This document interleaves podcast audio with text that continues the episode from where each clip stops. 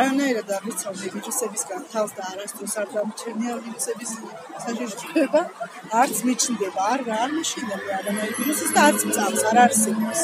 Конечно, опасно. Надо руки помыть, поменьше здороваться, маску надо одевать.